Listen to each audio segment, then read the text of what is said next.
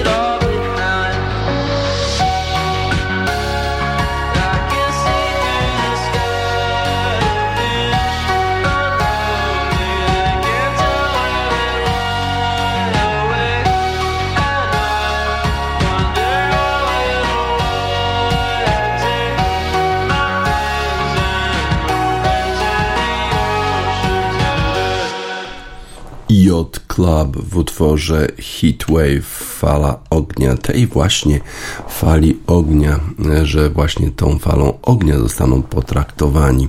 Bali się zawodnicy Denver Nuggets, ale okazało się, że byli przygotowani.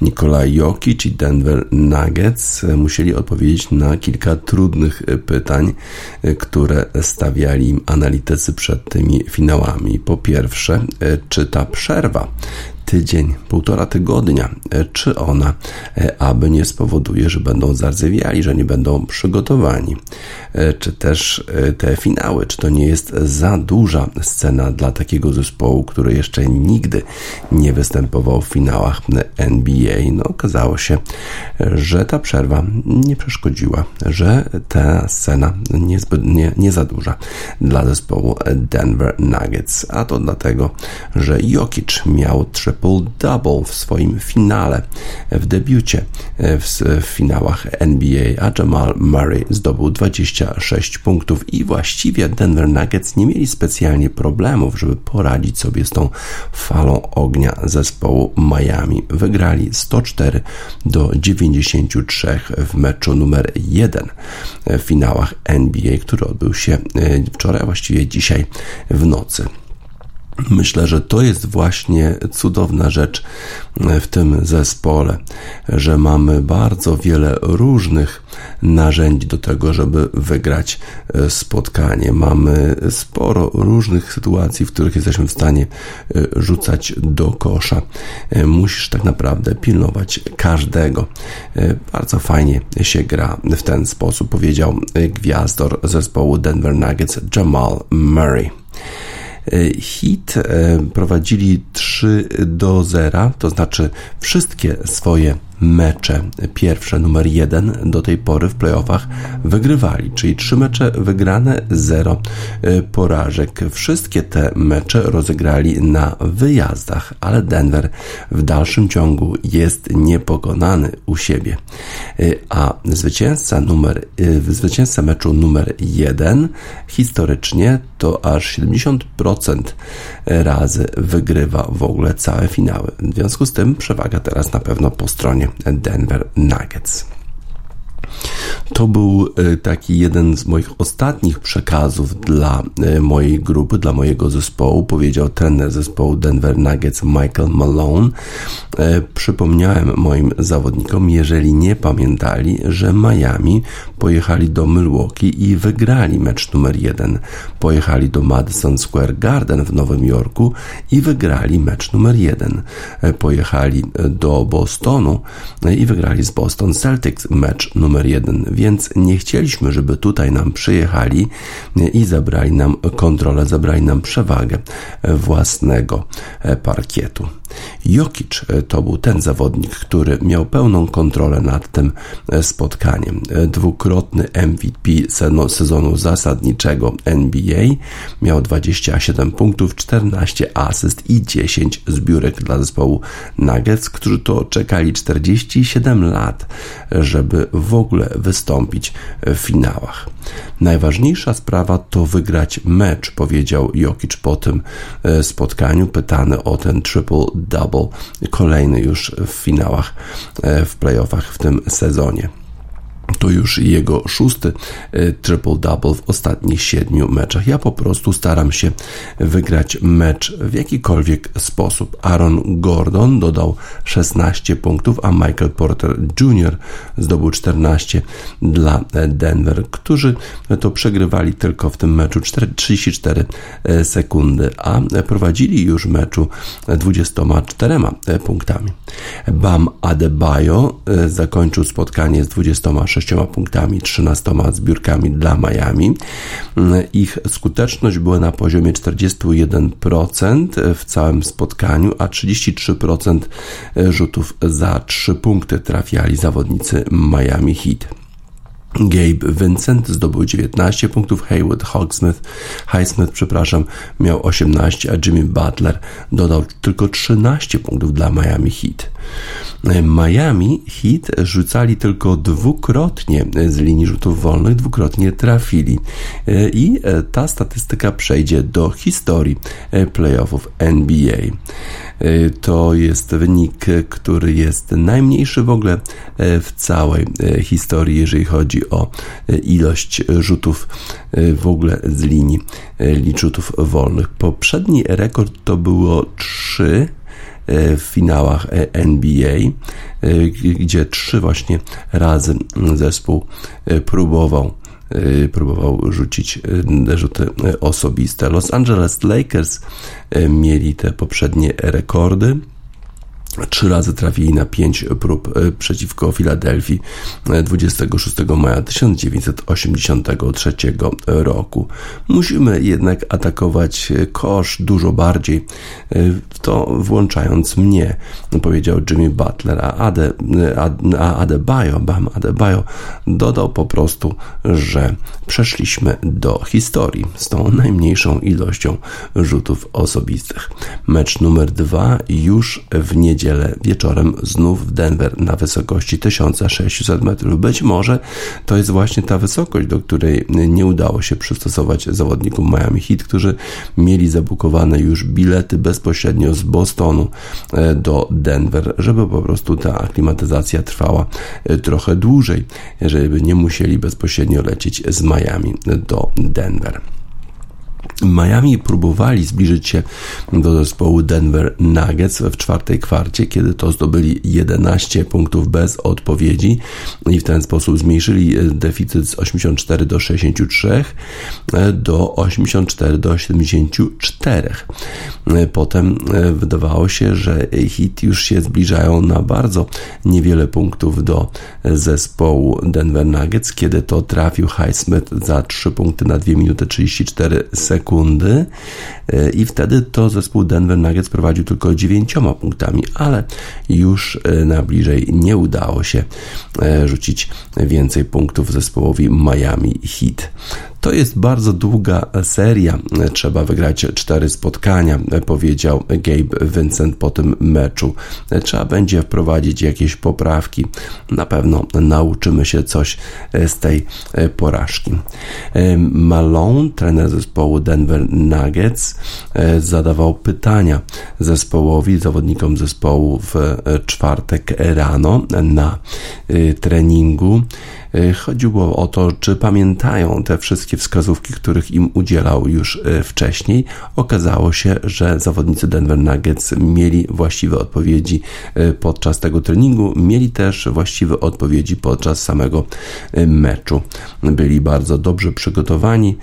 Zespół po raz pierwszy w finałach NBA, a jednak wydawało się, że oni są spokojniejsi niż zespół Miami Heat. Byliśmy gotowi, po prostu powiedział rozgrywający zespołu Denver Nuggets and Bruce Brown. Jokic jest drugim zawodnikiem w ostatnich 25 latach, ale Bron jest tym drugim, e, który to zrobił w 2017 roku, który miał 10 asyst już w pierwszej połowie w meczu finałowym e, w finałach NBA. Miał 10 punktów i 10 asyst już przed przerwą, e, a Denver prowadzili 59-42 po dwóch kwartach, a Jokic tylko trzy razy rzucał z pola gry.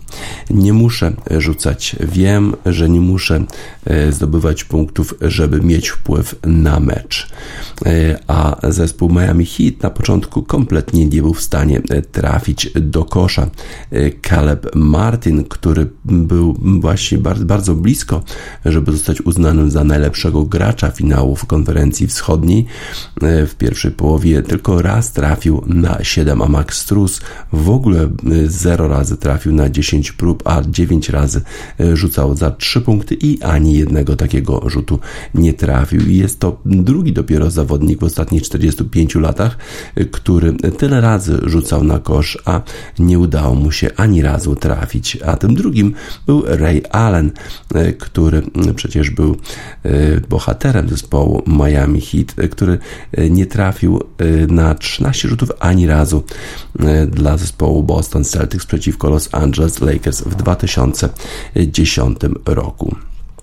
Nawet jeszcze nie patrzyłem na tablicę wyników. Wiem, że nasza forma, nasza, nasza gra w pierwszej połowie e, nie była właściwa. Graliśmy dobrze w drugiej połowie, ale to nie jest wystarczające, żeby wygrać mecz w finałach NBA. Musimy po prostu grać dobrze przez cały mecz. Y, Miami Heat y, w finałach NBA grali już wcześniej y, i tylko raz wygrali w pierwszym meczu na 7 prób, sześciokrotnie przegrywali.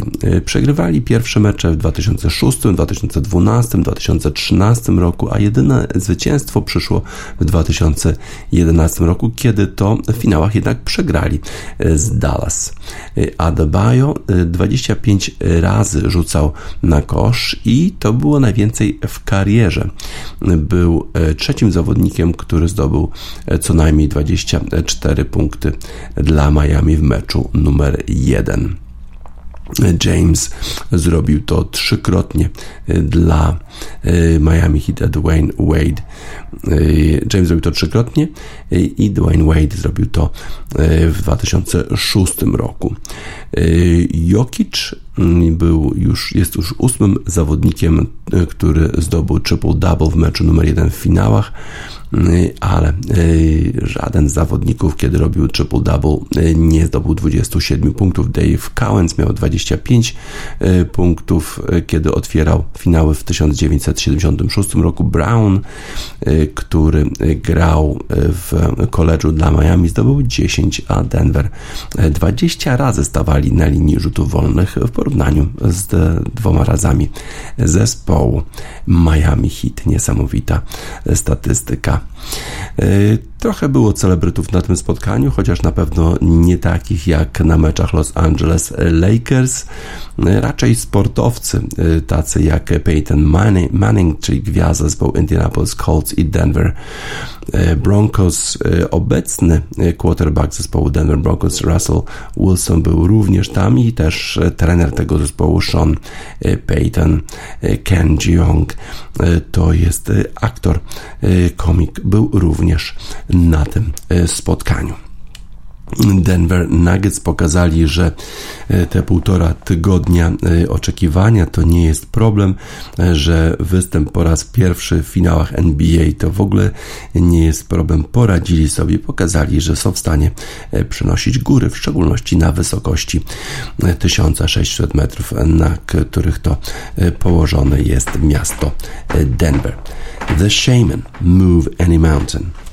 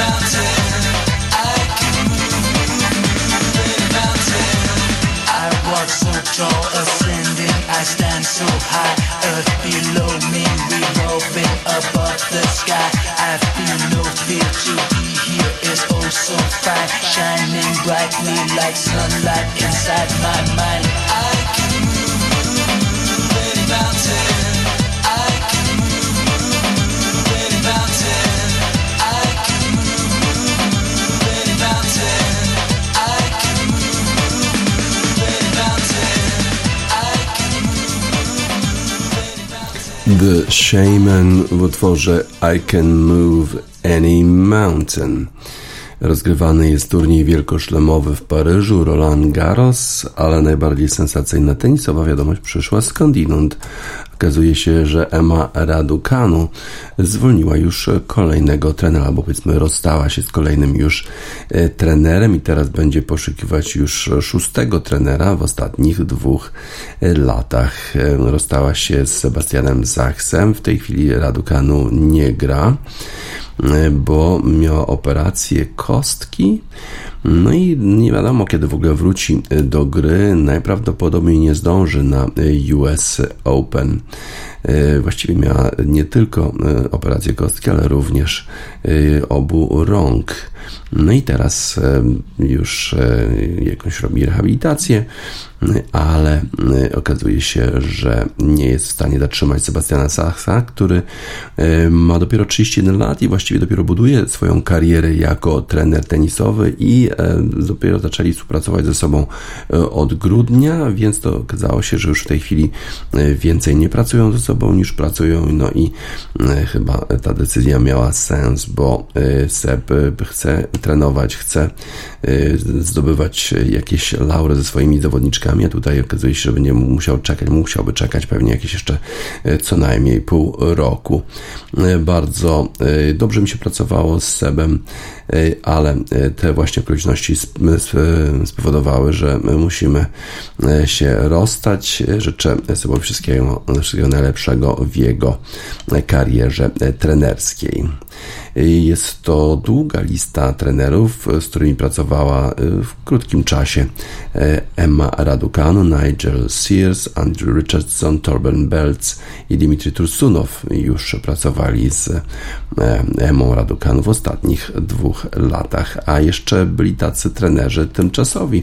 Na krótko 20-latka współpracowała m.in. z Jane'em O'Donoghue czy z trenerami LTA, czyli Lawn Tennis Association Brytyjskiej Federacji Tenisowej, Louisem Kajerem i Ianem, Ianem Batesem.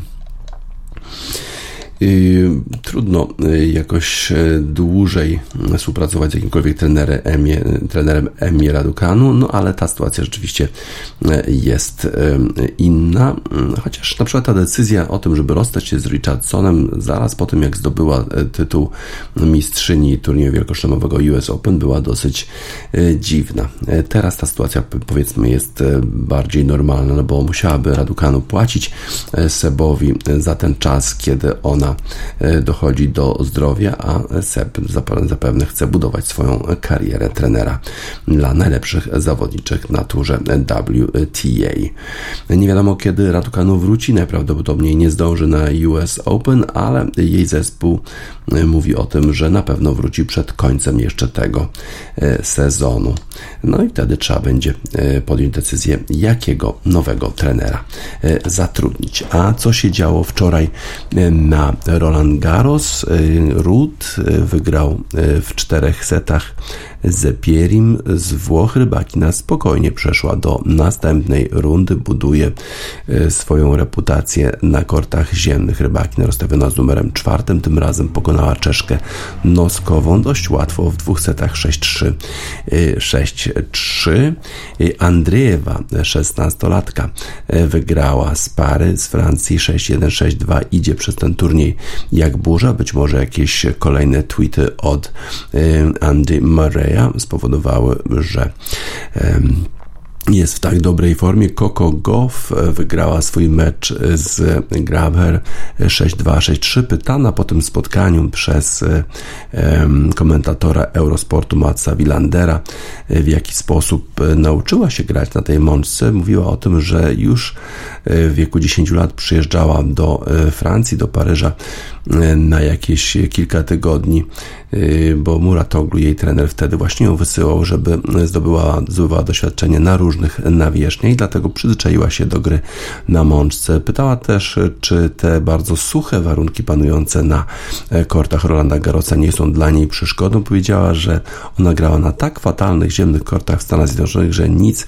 nie jest w stanie jej przeszkodzić, a przecież te korty na Roland Garros są naprawdę dobrej jakości czasami lubi grać na trochę wolniejszych, trochę e, bardziej wilgotnych kortach, no ale ten e, kort jest też fajny, bo można e, fajnie sobie się poślizgać na takim suchym, na, na takiej suchej mączce. Onjaber również wygrała 6-2, 6-3. Pytana po tym spotkaniu, czy podoba jej się to, że wróciła do wywiadu, bo miała trochę przerwy, tak żartowała, że chwilę jej nie było i wszyscy o niej zapomnieli, ale też wspominała o tym, że ta rywalizacja między trzema w tej chwili najlepszymi zawodniczkami, czyli Igą Świątek, Rybakiną i Sabalenką jest absolutnie fascynująca, ale mam nadzieję, że tutaj on, do tej rywalizacji ona właśnie y, dołączy. Taylor Fritz złamał serca Francuzów, wygrał w czterech setach e, z ich ulubieńcem Rinder Knesiem, który świetnie rozpoczął ten mecz, wygrał pierwszego seta 6 do 2, no ale w drugim secie został przełamany przez Amerykanina, no i e, w czterech setach wygrał e, Taylor Fritz to spotkanie. Świetnie spisywał się na korcie Chatrier Zwieriew 6-4, 6-2, 6-1 pokonał Molczana, grał bardzo dobrze, mówi, że świetnie. E, mu się gra przy francuskiej publiczności. Niezbyt dużo jest w stanie powiedzieć po francusku, ale czuję, że e, ma wsparcie publiczności, chociaż zapewne jeżeli e, przeciwnikiem byłby Francuz, to czułby dużo, dużo wsparcia dla jego przeciwnika i dużo hałasu, bo ta publiczność francuska jest bardzo, bardzo głośna. Kto jeszcze grał? Haddad Maja wygrała wczoraj w trzech setach. Pera ze Stanów Zjednoczonych pokonała Vekic i Andresku awansowała do kolejnej rundy, pokonując Navarro. Andresku to zwycięstwo jest o tyle istotne, że Andresku e, to jest ta zawodniczka, z którą może spotkać się w kolejnych rundach e, nasza Iga Świątek, która wczoraj również rozgrywała e, swoje spotkanie i rozbiła kolejną już rywalkę na kortach Roland Garros. Awansowała do trzeciej już rundy, pokonując bez większych problemów Amerykankę Claire Lu 6-4, 6-0. Przed drugim tegorocznym turniejem wielkoszlemowym e, kibice mogli mieć obawy, jeżeli chodzi o formę e, liderki rankingu, bo Świątek z powodu kontuzji poddała mecz z Jeleną Rybakiną w ćwierćfinale turnieju WTA w Rzymie. E, w Paryżu Iga Świątek poprosiła organizatorów o, tym, o to, żeby jak najpóźniej rozpoczęła ten turniej. Ci spełnili jej prośby, podobno spełniają jej wszystkie prośby. Ma bardzo dużo podobno biletów darmowych, które może rozdać, no ale taki to jest przywilej faworytki gwiazdy tego turnieju spełnili jej prośbę. Polka od początku pokazuje, że znów jest w bardzo dobrej e, dyspozycji. Czwartkowy mecz rozpoczął się bardzo dobrze dla naszej tenisistki. E, wygrała e, Świątek trzy pierwsze gemy, no ale potem dość niespodziewanie miała taki lekki kryzys, a rywalka doprowadziła do wyrównania, ale e, Iga Świątek się otrząsła z tego, z tego letargu trochę i dzięki temu wygrała pierwszego seta 6 do 4. Drugi set już wyraźna przewaga Igi Świątek, no i Nie potrafiła się przeciwstawić grze naszej zawodniczki 6-4, 6-0 i pewny awans do trzeciej rundy. W tej trzeciej rundzie nasza tenisistka zmierzy się z Chinką Xin Wang. Ten mecz powinien się odbyć e, w sobotę. Zobaczymy, jak poradzi sobie Iga Świątek w tych wywiadach po, po meczu. Mówiła też o tym, jak świętowała e, swoje 22, tak, 22 e, urodziny. Aleks Korecia wypytywał ją o to. Mówiła, że było raczej spokojnie, że ona nie jest e, taką osobą, która lubi imprezować. Dostała takie symboliczne prezenty od swojego zespołu. Bardziej, bardzo się z tego cieszyła ale generalnie nie było e, jakiegoś wielkiego imprezowania. E, potem jeszcze w wywiadzie z polskim dziennikarzem Eurosportu e, trochę chyba się zdenerwowała, jak zapytał ją o ten brak automatyzmu, jeżeli chodzi o serwis. Mówiła po prostu o tym, że panowały bardzo trudne warunki na kortach Rolanda Garrosa wczoraj, że było dużo wiatru i jak wyrzucała piłkę do góry, to po prostu musiała robić poprawki, bo nie wiedziała, gdzie ta piłka piłka tak naprawdę spadnie, w którym miejscu trzeba będzie ją uderzyć, ale jak już to jej się udało e, odcyfrować, no to już było dużo, dużo e, lepiej. Pytana też była przez Aleksja Korecie, czy lepiej gra pod wiatr, czy z wiatrem. Mówi, że nie ma jakiejś e, ulubionej strony, po prostu do każdej trzeba się dostosować, a warunki rzeczywiście były trudne. 6-4, 6-0, więc sporo czasu znowu na odpoczynek, sporo czasu być może na czytanie, na czytanie na przykład Nabokowa. Fontaines DC Nabokow dla ich świątek.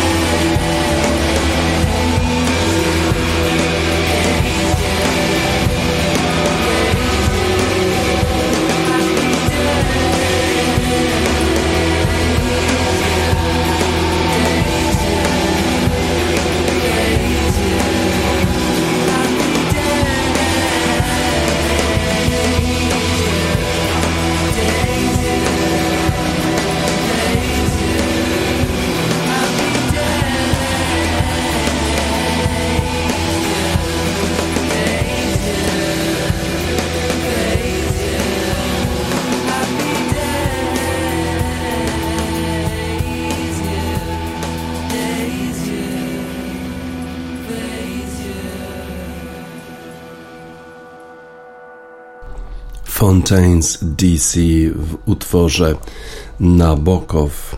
Eurosport transmituje e, zawody na kortach Roland Garros. No i wczoraj był mecz pomiędzy Fritzem i Rederknesiem z Francji na Eurosport 2. Trwał dłużej niż się pewnie organizatorzy spodziewali, niż spodziewali się włodarze Eurosportu i w związku z tym transmisja z turnieju golfowego została przesunięta na później, to pewnie nie spotkało się z zadowoleniem y, fanów golfa, bo przecież rozgrywany był wczoraj turniej y, w Dublinie, ale w stanie Ohio na polu Muirfield Village turniej Memorial.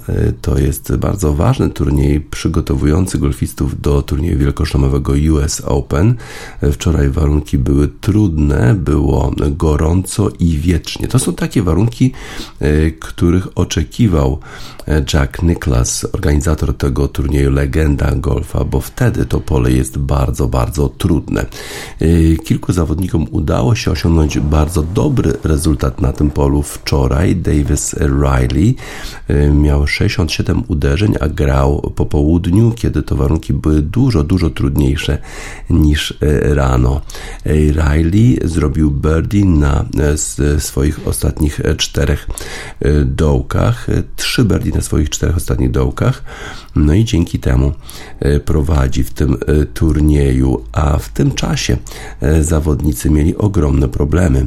Na polu było gorąco, pole było bardzo twarde. E, I na przykład e, Chad e, czterokrotnie uderzał piłkę do wody na dołku numer 9 i miał 13 uderzeń na tym dołku. Jest to najwyższy wynik, czyli najgorszy wynik na jakimkolwiek dołku w turnieju rozgrywanym na Muirfield Village. W końcu miał wynik 88, co jest bardziej wynikiem amatora niż zawodowca.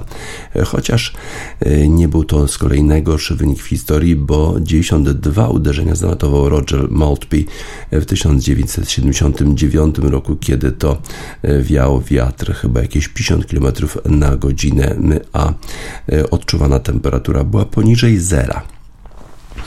Takich warunków właśnie spodziewał się, oczekiwał Jack Nicklaus i takie właśnie y, otrzymał. Bardzo trudne było pole dla wielu, wielu zawodników. Na przykład taki Billy Horschel, który broni tytułu z zeszłego roku. W ostatnim czasie jest w słabszej formie, ale wynik, który zanotował jest naprawdę zawstydzający. 84 uderzenia, 4 dołki zakończył wynikiem 6, co dla zawodowca jest naprawdę zawstydzające. Po prostu nie czuje się bezpieczny na polu, nie czuje, żeby miał jak, jakąkolwiek pewność siebie. Właściwie jest to chyba najniższy punkt w mojej karierze, a mimo wszystko to jest takie dosyć śmieszne, bo wydaje się, że w sumie niewiele mi brakuje, żeby wrócić do mojego najwyższego poziomu, co wydaje się dziwne, tym bardziej patrząc na wynik, który osiągnąłem 84, naprawdę zawstydzające. Bardzo dobrze grał Matt Wallace, Anglik, jak również Danny Willett, którzy zanotowali odpowiednio minus 4 i minus 3, a Wallace musi wygrać ten turniej, żeby uniknąć kwalifikowania się na turniej wielkoszemowy US Open. 68 uderzeń, no ale to było jeszcze rano. Shane Lowry grał bardzo dobrze, miał 5 birdie pod rząd rano. No ale potem e, i tak jeszcze zanotował kilka e, bogejów. E, McIlroy, który dobrze spisał się na PGA Championship, chociaż tam nie wygrał, miał trzy uderzenia poniżej para, wychodząc na osiemnastkę. No ale potem jego uderzenie trafiło w prawo, bardzo trudne miejsce. Potem miał takiego flyera, piłka przeleciała przez green, potem słaby chip. No i zanotował trzy triple bogey, czyli trzy powyżej para i właściwie cała jego, e, całego przewaga na tym e, polu, czyli minus 3 została zniwelowana na ostatnim dołku. Podobny problem miał Jordan Spieth, e, ale on na szczęście dla niego wziął trochę mniejszy kij, no i ta piłka co prawda przeleciała green, ale nie aż tak daleko jak McIlroy i tam udało mu się jeszcze jakoś wyratować. Bardzo to fajne jest, że udało mi się pobić takie trudne polo golfowe, e, dzisiaj powiedział Jordan Spieth po swojej rundzie. Y, Mark Hubbard miał również 69, tak jak Jordan Spieth i musiał sobie przypominać, y, jakie to jest, y, jaki to jest dobry wynik, kiedy to zagrał Bogeja, Boge, trzy Bogeje na koniec tej rundy, ale wszyscy inni mieli podobnego typu problemy. John Ram i Adam Scott mieli 78 uderzeń, ale grali rano. Scott i Scheffler nie był w stanie dobrze patować wczoraj. Właściwie nie trafił żadnego pata powyżej 6 stóp i miał wynik 74, a przecież jest to e, zawodnik z absolutnej czołówki e, światowej. Średnia na polu, średni wynik na polu to było 74, to jest najwyższa średnia od, od roku 2000. E, nawet ośmiu zawodników było ośmiu zawodników, którzy, którym nie udało się pokonać bariery 80 uderzeń. A jeszcze to nie obejmuje Dylana Frycelego, który już 15 miał uderzeń powyżej para e, po 14 a potem się po prostu wycofał. Podobno się źle czuł, ale pewnie każdy by się źle czuł z tak fatalnym wynikiem. E, mamy nadzieję, że warunki na polu golfowym Kraków Valley będą lepsze, bo dzisiaj rozpoczyna się tam już turniej Międzynarodowe Mistrzostwa Polski e, Kobiet i Międzynarodowe Mistrzostwa Polski Mężczyzn w świetnej obsadzie e, zarówno wśród mężczyzn, jak i kobiet będzie się działo.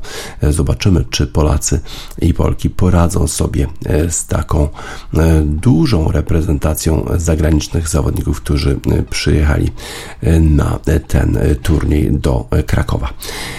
Mamy nadzieję, że te warunki rzeczywiście będą dużo, dużo przyjemniejsze i że my będziemy świadkami wielu bardzo dobrych rund poniżej par dzisiaj na polu Kraków Valley. Modern Nature Flourish. Mam nadzieję, że też będą rozkwitać talenty naszych młodych golfistów i golfistek.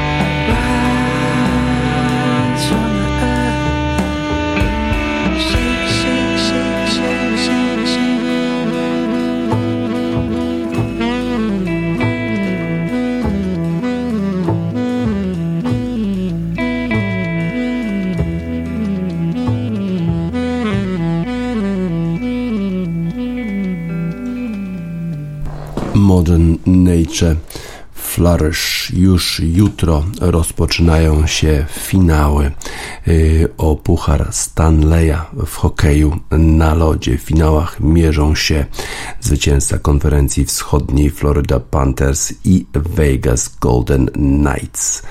Y, to będzie y, potencjalnie aż 7 meczów, bo czterech potrzebuje zespół, który podniesie Puchar Stanleya w 2023 roku. Golden Knights w sezonie zasadniczym mieli 51 zwycięstw, 111 punktów. W pierwszej rundzie playoffów wygrali 4 do 1 z Winnipeg Jets, potem pokonali zespół Edmonton Oilers 4 do 2 i również 4 do 2 wygrali w finale konferencji zachodniej z Dallas Stars. Z kolei Panthers mieli tylko 42 zwycięstwa w sezonie i awansowali do playoffów z dziką kartą. W pierwszej rundzie sensacyjnie pokonali Boston Bruins 4 do 3, potem wygrali w drugiej rundzie z Toronto Maple Leafs 4 do 1, a w finale konferencji wschodniej wygrali 4 do 0 rywalizację z Carolina Hurricanes. W meczach w tym sezonie e, właściwie jest porówno. E, zespół Vegas u siebie e, wygrał jeden mecz jeden przegrał. Tak samo Florida w tym meczu, ale w ogóle jeżeli chodzi o finały, to żaden z tych zespołów jeszcze nie wygrał Pucharu Stanleya. Golden Knights wracają do walki o, o Puchar Stanleya po raz pierwszy od ich sezonu takiego inaugurującego, bo przecież Vegas Golden Knights dopiero istnieją od 2017 roku. Wtedy to byli już w finałach i przegrali tę serię finałową z Washington Capitals 4 do 1, a zespół Florida Panthers wraca do finałów e, walki o Puchar Stanleya po raz pierwszy od 1996 roku, kiedy to przegrali 4 do 0 z zespołem Colorado Avalanche. Tak więc będziemy mieli zupełnie e, nowy e, zespół e, jako zwycięzcę Pucharu Stanleya. Jest sześciu zawodników, którzy w tej chwili grają dla Golden, dla Golden Knights, którzy występowali w tych finałach w 2018 roku. Są to William Carrier, William Carlson, Jonathan Marchessault i Riley Smith i jeszcze obrońcy Braden McNabb i Shea Theodore. Wszyscy ci zawodnicy mieli duży wpływ na zespół Vegas w tym sezonie, na to, że e, zespół ten e, występuje w finałach. Myślę, że nasz zespół jest dużo bardziej dojrzały niż w tym pierwszym meczu, powiedział Carrier.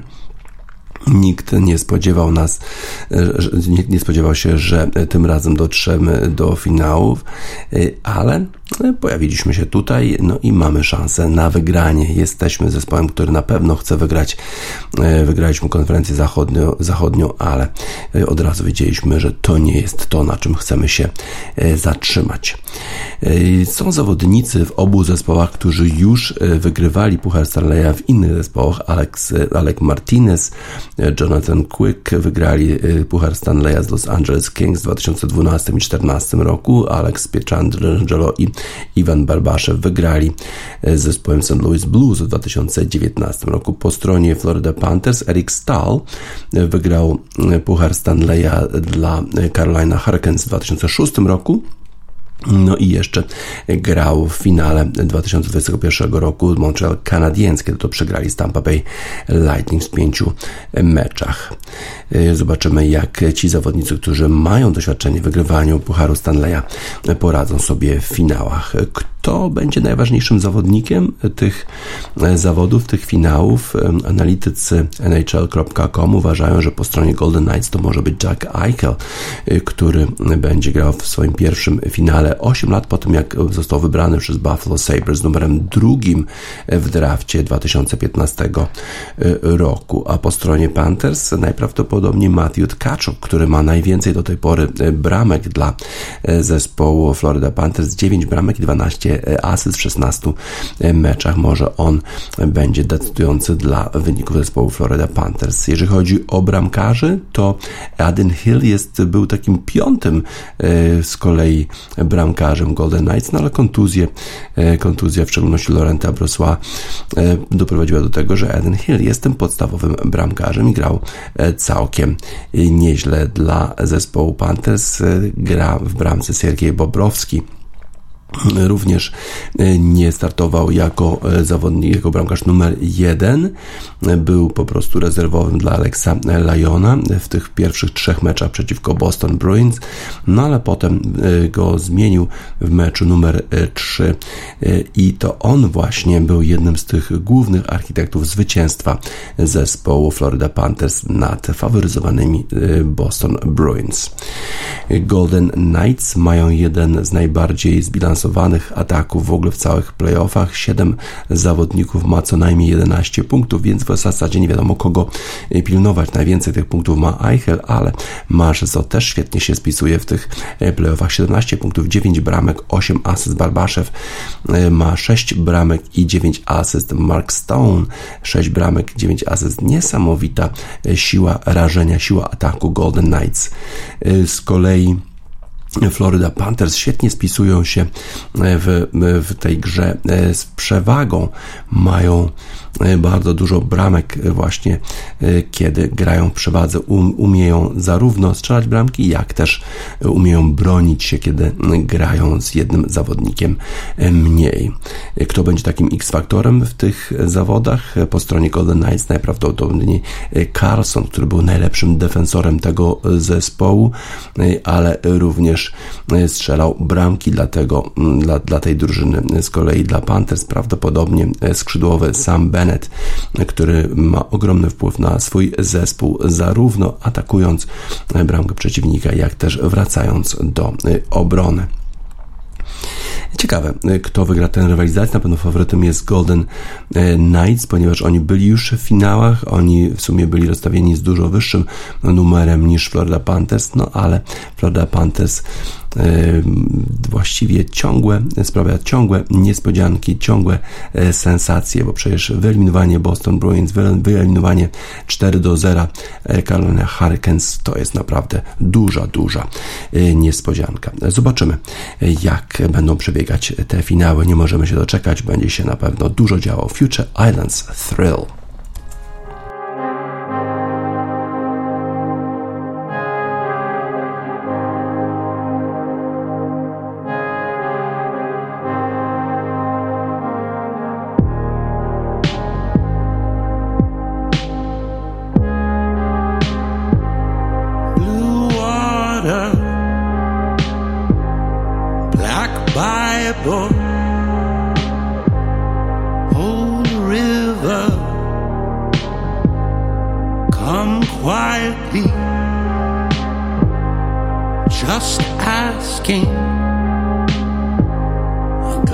of water. Don't know me. Don't try me. Nobody gone. Pick me up. I'm falling down. And I'm fair street bound.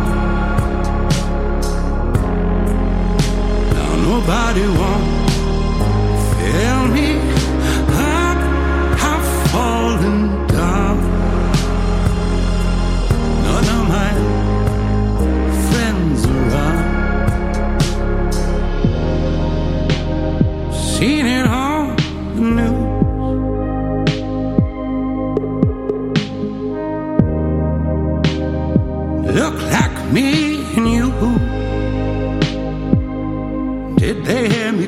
lembro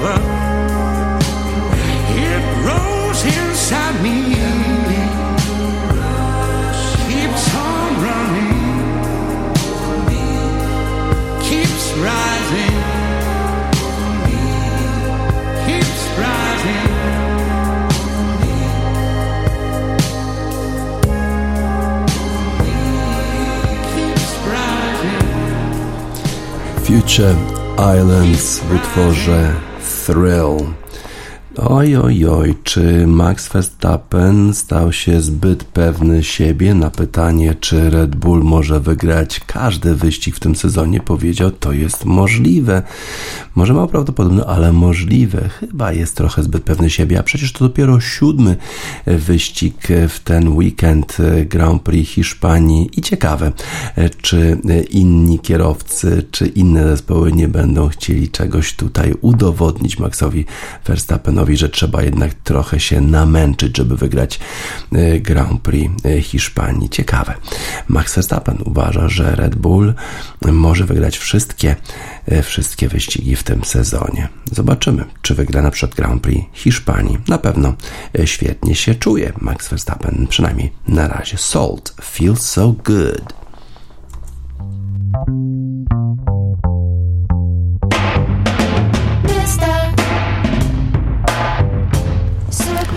Salt i Feel So Good na zakończenie wiadomości sportowych w Radiosport na radiosport.online 2 czerwca 2023 roku. DJ Spaca żegna Państwa i życzę miłego weekendu.